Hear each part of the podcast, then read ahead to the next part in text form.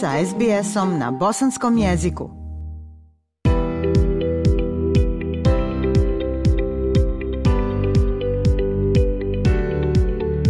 Slušate SBS program na bosanskom jeziku.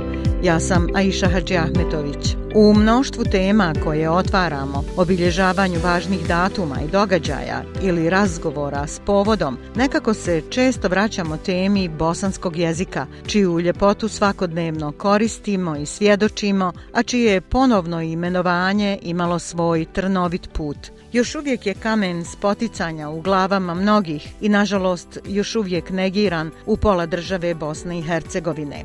Ove sedmice zatekla nas je vijest da je preminuo akademik dr. Senahid Halilović, profesor Filozofskog fakulteta u Sarajevu, jedan od najznačajnijih lingvista, koji je već svojom prvom knjigom Bosanski jezik utro put afirmaciji bosanskog jezika, govoreći o njegovoj posebnosti, i kao ravnopravnom idiomu srpskog ili hrvatskog jezika, a pravopis profesora Halilovića iz 96. postao je temelj standardizacije bosanskog jezika. Želeći odati počast profesoru Haliloviću, ali i progovoriti o ljepoti i važnosti bosanskog jezika u svijetu, razgovaramo danas sa profesoricom Amelom Isanović, neumornom kreativkom i dokazanim bosnoljupcem, koja na svoj originalan način u nastavi bosanskog jezika i u svojim knjigama promoviše Bosnu i bosanski jezik. Danas se javlja iz Švedske u koju je otišla 2016. godine. Amela srdačna dobrodošlica u Australiju na ovaj način u SBS program na bosanskom jeziku. Hvala, hvala Iša i veliki pozdrav i selam svojim slušateljima. Drago mi je evo danas biti s vama i evo i na ovaj način napraviti neki makar virtualni most koji svakako postoji u našim srcima, svima nama koji volimo i njegujemo bosanstvo. Amelu Isanović sam upoznala u svom rodnom gradu kada je kao nastavnica osnovne škole počela praviti lutkarske predstave za djecu, ići na pozorišne festivale, ostvarivati nagrade. Sve što profesorica Isanović radi prožeto je kreativnošću i posebnošću. Ipak, možda je najbolje da se ona sama predstavi bosancima i hercegovcima u Australiji. Pa evo, Aisha, ako mi dozvoliš da izbjegnemo ono neko biografsko predstavljanje, ali evo reći ću da sam rođena u Zvorniku 73. godine i da sam u ovih svojih 50 godina, između ostalog, eto, ta, to je posljednja stepenica, stekla zvanje magistra bosanskog jezika i književnosti. Moja tema, master tema je bila uh, bosanični natpisi i bosančica. Tako da, eto, to je, hajmo da kažem na neki način, i krunisalo i potvrdilo moje znanje i moju želju da bosanski jezik njegujem, da mogu iz e, neke sigurne perspektive, naučne perspektive da govorim o tome i da e, budem što kreativnija u tom svom poslu i radu. Znači, tražila sam uvijek neke, hajmo reći, drugačije i neobične puteve zato što smatram da za učenje može i treba biti zabavno. Uglavnom, evo u ovih 50 godina, kao što se rekao, živjela sam u Sanskom mostu, to je danas jedna od mojih omiljenih bosansko-hercegovačkih čašija. I evo, put me doveo u Švedsku, gdje sam prvi put došla 2014. godine kao predavač na jednoj konferenciji maternih jezika, pa sam sljedeće godine ponovo došla u Stockholm na istu takvu konferenciju i pokazalo se da im je ovdje bio potreban neko ko bi radio sa našom djecom u srednjim školama kao profesor bosanskog jezika u Geteboškim gimnazijama, tako da sam evo danas tu, međutim, e, ako mogu da kažem, promijenilo se ništa nije. Danas čak imam neki dupli teret jer mislim da sam evo i ovdje možda potrebna i potrebnija nego u Bosni i Hercegovini jer mi koji živimo izvan domovine vi koji živite u Australiji znate da je to tako, imamo nešto veće prepreke e, u očuvanju bosanskog jezika. Tako da evo, nastavila sam, trudim se i ovdje radim fotkama, tražim neke zabavne načine, nastavila sam da pišem, da istražujem bosansko-hercegovačku historiju i eto, ono što uvijek kažem, a čime se obično i počnem predstavljati, jeste da sam ja prije svega jedna bosanka i jedno veliko dijete. Amela, iza vas je i nekoliko knjiga. Jedna beletristička Pamtim stope. I to je zbirka priča motivisana historijom srednjovjekovne Bosne, zar ne? Evo, kao što sam malo prije rekla, nekako se trudim da podučavanje bude zanimljivo i kreativno i moram reći uz svo uvažavanje prema mojim profesorima i nastavnicima historije, Nekako mi je historija uvijek bila prilično dosadna. Način na koji se kod nas interpretirala historija je bila pomalo dosadna. I onda sam, moram priznati, u jednom kontekstu gdje sam bila i ljuta i povrijeđena od strane E, naših ovaj, bosanaca koji su u nekom kontekstu mom učeniku rekli zašto nosiš te ljiljane, to je ratna zastava. Baš sam onako nešto e, revoltirana, otišla kući, iznervirana koliko ljudi malo poznaju historiju i tog trenutka je počelo jedno istraživanje koje je trajalo više od četiri godine sve što sam mogla naći literature iz i Bosne pa do danas o nekim poznatim ljudima naše prošlosti. Pokušala sam da pronađem, istražim, pročitam i na takav način je nastala zbirka koja ima 17 priča. Prije nego što sam objavila i dala u štampu tu knjigu, angažovala sam jednog našeg profesora, magistra historije Ibrahima Kabila i Tuzle, koji je cijelu tu knjigu pročitao i upozorio me na jedan ili dva mjesta da sam recimo i ja sama podlegla onome što nam plasira internet. U svakom slučaju to odboje smo odklonili, tako da je to jedan kreativan pristup našoj historiji.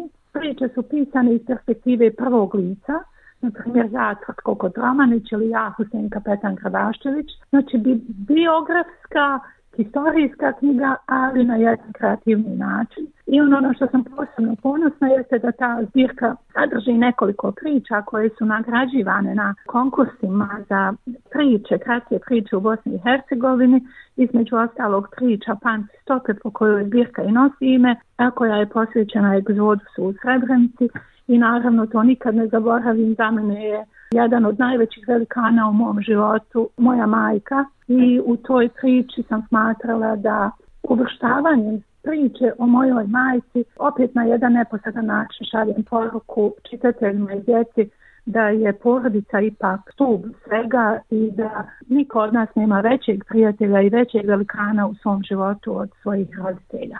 Ipak ono što je vaš zaštitni znak je lutka. Tako i ja pamtim nastavnicu Amelu. Lutkarstvo, dramska sekcija, takmičenja, lutkarskih predstava u Novom Sadu, a onda je nastao i priručnik Lutka u nastavi. Recite nam više o tome. Pa evo, e, lutka je zaista nešto što je vrlo zahvalno, e, odgojno, obrazovno, a i terapeutsko sredstvo ono što je mene najviše osvojilo u radu sa lutkom jeste što sam ja pomoću lutke uspjela da doprem i do neke djece koja su nosila u to vrijeme i neke ratne traume, do djece koja su imala barijeru da govore javno, da, da se oslobode, da pričaju, da imaju e, neke zdrave relacije sa ljudima u okruženju. A onda se ispostavilo da je ta lutka nama bila jedan prozor u svijet. Ona nam je omogućila da svijet i učenje posmatramo iz neke druge zabavnije perspektive i ono što je možda i najvažnije jeste da je Lutka pružila neku vrstu zaštite mojim učenicima. Ono, uvijek imamo, a iša ti to znaš jer ti sama si prosjetni radnik, ti znaš da često imamo barijer kod djece da će pogriješiti iz straha od grešaka, oni se ne usuđuju da istražuju, pokazuju, da uspostavljaju neke relacije. Recimo Lutka je sve to otklonila, sve te strahove, tako da se ja evo sad već 20 godina aktivno bavim lutkarstvom i ovdje imam Lutka Dinu kojim je moj učenik jedan još ucrvu dao ime i eto on je ostao lutak Dino.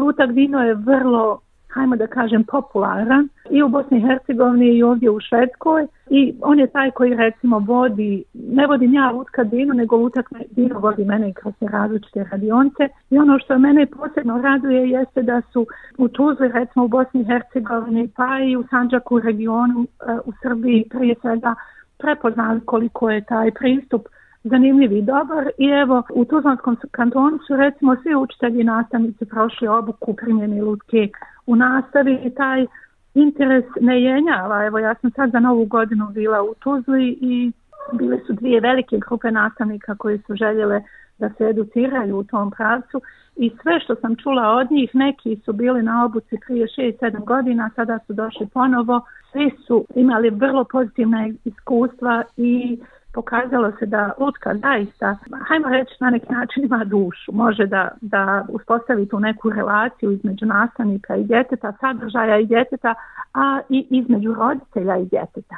Tako da evo, e, znači lutka u nastavi, ja trenutno radim na prijevodu te e, knjige i na švedski jezik. Pogotovo je zahvalna za učenje jezika e, izvan matice zato što sadrži veliki broj igara i prijedloga koji mogu pomoći ne samo nastavnicima nego i roditeljima da koriste lutku u Nedavno je izašao još jedan priručnik za nastavu bosanskog jezika. Zove se Učimo, ma ne igramo se. Koliko sam uspjela saznati, knjiga nije namijenjena samo nastavnicima i učenicima.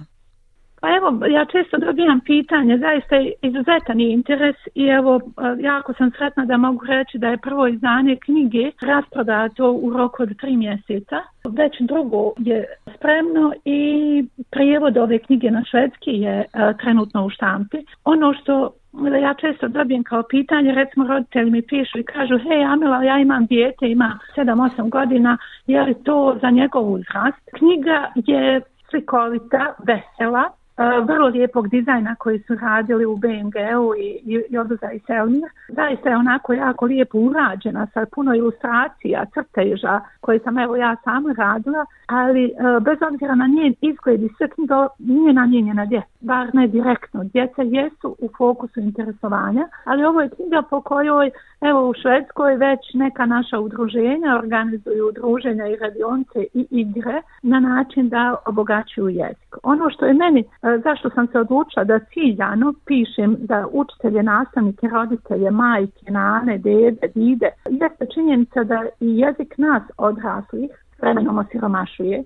Ima se nama desi da kažemo, joj, a kako se ono zove, a ne možemo da nađemo sinonim ili pravu riječ, pogotovo kad živite izvan matice, tako da su ove igre namijenjene znači svima tim što i ono što je možda i zaslužno za tako veliki interes za ovu knjigu jeste da sam ja uz tekstualni opis igara napravila i 15 digitalnih igara koje dijete može da igra tako što će skenirati kod koji se nalazi u knjizi i mobitelom ili tabletom recimo voziti avion, skupljati neke riječi koje su u fokusu te igre ili će recimo bježati u labirintu, skupljati riječi koje se vezuju za tradiciju Bosne i Hercegovini i tako dalje. Tako da, eto, knjiga je obimom mala, ali se pokazalo i ja sam znala da postoji potreba za jednom ovakvom knjigom, ali zaista da će ona naići na ovako e, dobar prijem i da će biti ovako dobro prihvaćena, moram priznati da nisam očekivala,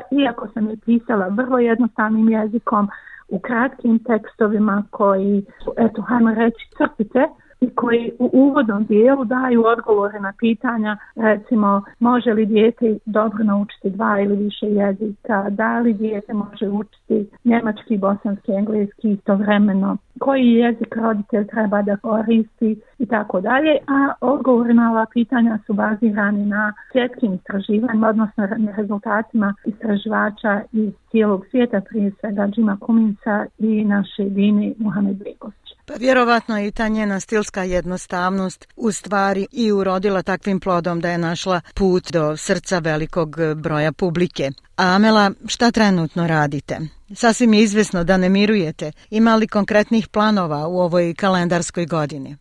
Pa evo, e, meni je zaista uvijek i na prvom mjestu e, mi je moj porodični život, a onda i moj taj profesionalni život jer sam ja, ja sam zaista prije svega učiteljica iako imam zvanje magistra i profesor sam i neko mi kaže profesorce, magistrice, ja sam u stvari jedna, prije svega smo mi svi učitelji i najviše energije i dalje, hajmo reći, neću reći trošim jer to onako izgledalo kao da radite nešto preko volje, ali najviše energije da poklonim mojim učenicima koji trenutno u Geteborgu imam 120, to su uglavnom gimnazijalci. Trudim se da njihova nastava bude zanimljiva. Evo recimo e, malo prije me podsjetilo kada se ti napravila ovaj uvod i rekla da se trudiš, ja to pratim u tvom radu, da se trudiš da prezentiraš e, Bosnu i Hercegovinu u pozitivnom smislu, recimo ja to uvijek radim s mojim učenicima. Moj čas uvijek poče lijepom vješću iz Bosne i Hercegovine. Mi pročitamo vijest, a onda tražimo nepoznate riječi,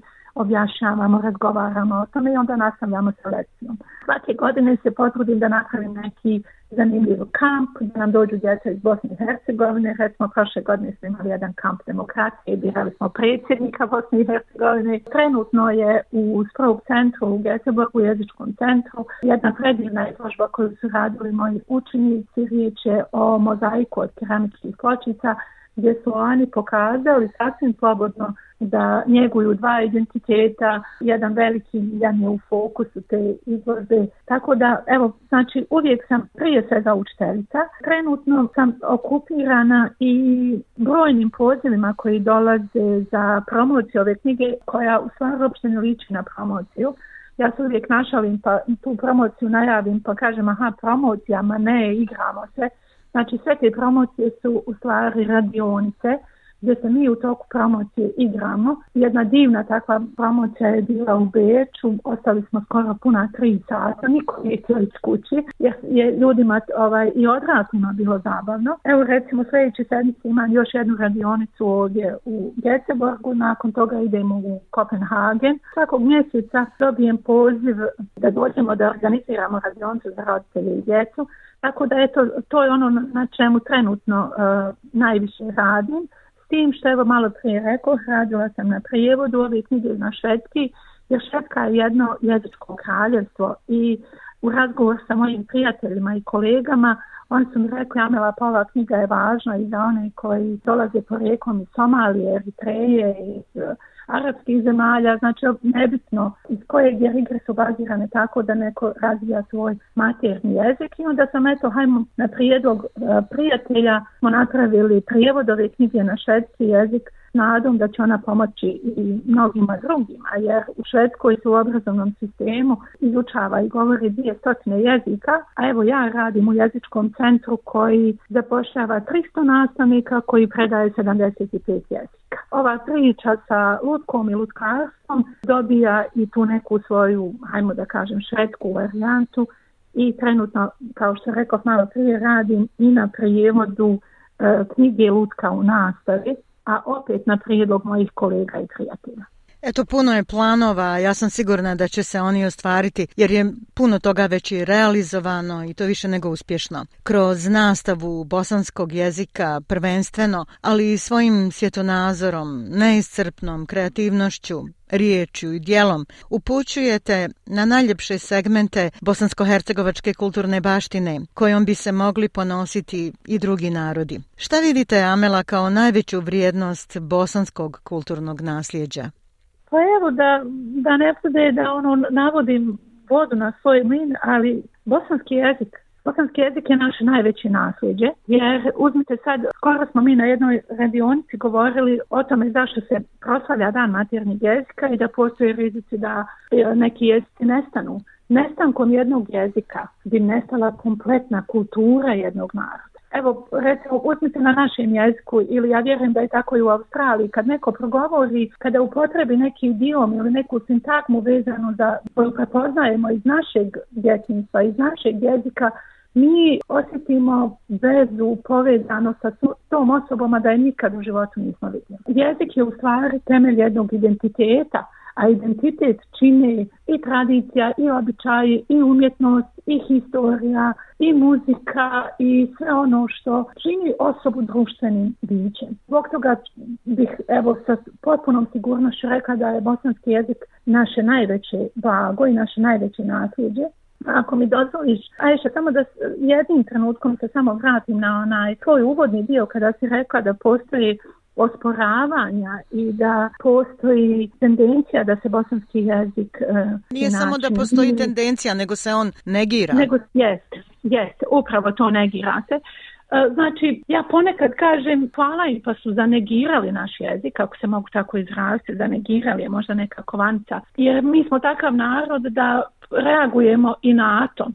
Nekako dozvolimo sebi da se prepustimo i onog trenutka kad su počeli da, da ga negiraju, mi smo se zapitali aha, zašto ga negiraju. Mislim da naš problem generalno nije u tome što ga neko drugi negira, nego je naš problem uvijek bio u nekoj nesigurnosti. Ja sam sigurna da ćeš iti kao što ja ovdje čujem, recimo kad ljudi govore o jeziku, oni e, postoje ljudi koji još uvijek imaju barijeru da izreknu bosanski jezik. Koriste tu neku, ne znam kako ni da je nazove, meni je, moram priznati da mi je to pomalo i kukavički kad kažu e, govori našim jezikom ili našim jezicima.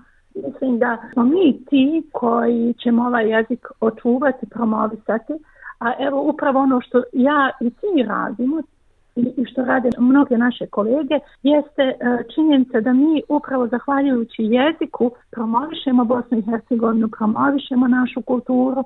Pouzda Mira Medunjanin širom svijeta pjeva se dalinki u Vijetnamu gdje ljudi ne razumiju riječ jezika, ali razumiju melodiju i razumiju dušu našeg jezika. Ono što naš čini takvima kakvi jesmo. Ne znam, evo sama sintagma da kažeš recimo Janet je pod maj, majčinim nogama, u toj rečenici je stala cijela naša kultura obhođenja prema roditelju. Da ne, ne govorim ili o nekih drugih primjera gdje se jezikom oslikava duša jednog naroda. E, zbog svega toga je bosanski jezik naše najvrijednije nasljeđe Bez njega nema ni sevdaha, nema ni, ni recepta za baklavu, ni hurmašicu, a da ne kažem da nema onog našeg emotivnog koje nas drži na okupu i u porodici i svugdje. Znači ja imam djece koja kažu aha kod nas u kući se govori više švedski nego bosanski, ali kad ga ja upitam a kako ti mama tepa, kaže li ti mama šikling kao pile, a ne ne Amela, mama mi kaže pile moje malo. Emocija koju čovjek osjeća je jedino i isključivo moguća na materni jezik. S druge strane, evo, sve svjetske studije pokazuju da djeca koja uče e, materni jezik imaju u preko 80% slučajeva bolje rezultate iz svih drugih predmeta. Djeca koja su dvojezična imaju podjednako razvijene obje sfere mozga. Na svim poljima su spremniji, brže reaguju, da ne kažem da su inteligentniji, ali to pokazuju studije koje se provode širom svijeta. Sve to ide u prilog činjenici da je ipak materni jezik naše najveće blago. Amela, šta biste poručili bosancima i hercegovcima u Australiji? Šta bih im poručila? Da uvijek i punog srca kažu da je njihov materni jezik bosanski jezik, da je njihova domovina e, Bosna i Hercegovina. Ja mogu i zaista razumijem i razumijem moje učenike, ja to vidim da naši ljudi, pogotovo oni koji su godinama izvan domovine, koji su rođeni u Australiji ili u Švedskoj, da Švedsku osjećaju ili Australiju kao svoju drugu domovinu i meni je to sasvim u redu, ali ono što, što smo ponijeli sa sobom je zaista nešto na što imamo puno pravo da budemo ponosni. To nam pokazuju brojni velikani koji su živjeli u prošlosti prije nas i na kraju krajeva evo mogu i ovo da kažem.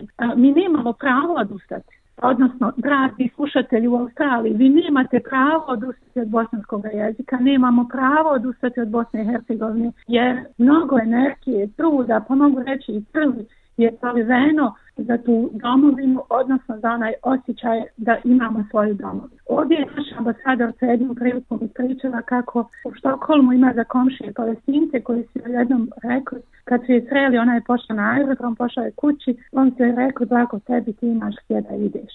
E pa nemojte nikada zaboraviti da je bosanski jezik naša kuća, Bosna i Hercegovina je naša domovina, vi i ja nemamo pravo odustati od Hvala najljepša, draga Amela, na ovoj snažnoj poruci, izdvojnom vremenu i ovom razgovoru. Želim vam puno uspjeha u daljem radu i još puno radosti i zadovoljstva u novim projektima. Živa bila! Hvala ti Aisha na vrlo e, lijepo pripremljenom razgovoru, hvala ti na prilici da govorim i hvala svima vama, prije svega tebi, tvojim saradnicima, svima onima koji rade na promociji Bosne i Hercegovine, koji rade na promociji bosanstva i koji i vjeruju u budućnost naše domovine. Hvala vam svima. Like, share, comment. Pratite SBS Bosnian na Facebooku.